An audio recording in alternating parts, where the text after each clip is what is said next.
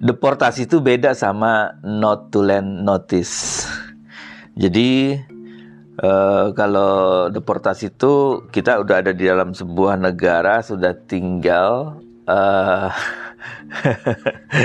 terus diusir paksa itu deportasi. Kalau not to land notice itu lo ditolak untuk datang, lo baru datang nih, baru di depan pintu rumah Ayang. Eh si ayah nggak suka sama lu karena alasan tertentu. Ditutup pintu. Lu nggak bisa masuk. Wah gitu. Akhirnya ya itu uh, ya hak hak yang tuan rumah untuk menerima atau menolak kita ya. Jadi uh, ya yang mestinya harus kita tanyakan saat itu saat ditolak ya tanya kenapa lo nolak gua? Gitu kan. Uh, alasannya apa? Gitu. Jangan berdebat. Cool aja. Gitu. Apalagi jangan bawa-bawa hak saya mau datang. Gitu. Ya enggak juga. Kita harus punya adab. Kita kan datang ke e, mau bertamu. Ya kalau tuan rumahnya enggak mengizinkan ya lebih baik jangan bertamu. Gitu. Ya, kenapa gue ngomong ini? Karena gue pernah hampir tidak masuk uh, Singapura sama dari Batam juga ya. Di keimigrasian teman-teman gue udah masuk semua koper-kopernya udah keluar semua.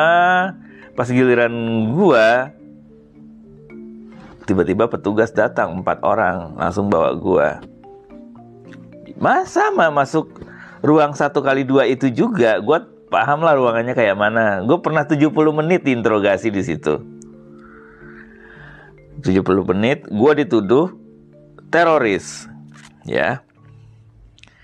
Dengan alasan dan dia ngasih tahu tuh tahun segini gue di mana tahun segini gue ada di mana. Mereka punya catatan.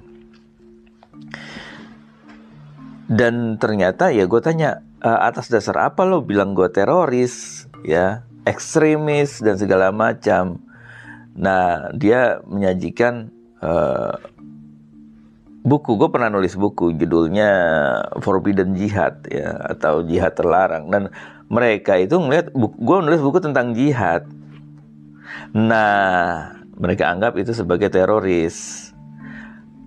Ya gue bilang lu baca dong buku gue jangan lihat judulnya doang. Buku gue itu malah justru isinya tentang deradikalisasi gue jelasin.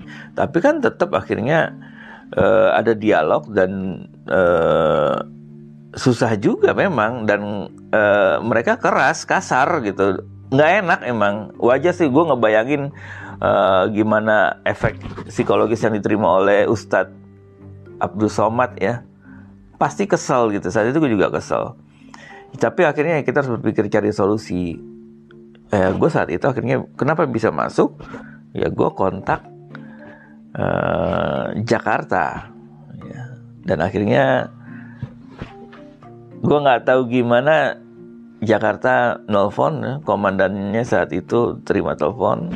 Dan akhirnya gue diizinkan. Oh ternyata memang dugaan mereka bahwa gue uh, anggota kelompok teroris itu salah. Gitu. Jadi ya kalem kalau uh, menghadapi sesuatu. Apalagi nggak perlu memprovokasi. Ini umat Islam ditolak segala macam gak usah bawa-bawa agama. Ya sehingga banyak umat kita yang terprovokasi ya. Sampai menganggap ya pemerintah Singapura uh, menolak. Ustadz lah orang kesayangan kesayangan Allah lah segala macam. Ya nggak perlu sampai kayak gitulah kita berpikir clear aja. Oke? Okay? kalau ditolak ke Singapura emang kenapa? Nggak boleh masuk ke Singapura. Menderita gitu. Nggak juga kan lo bisa ke kota-kota lain di Indonesia yang lebih asik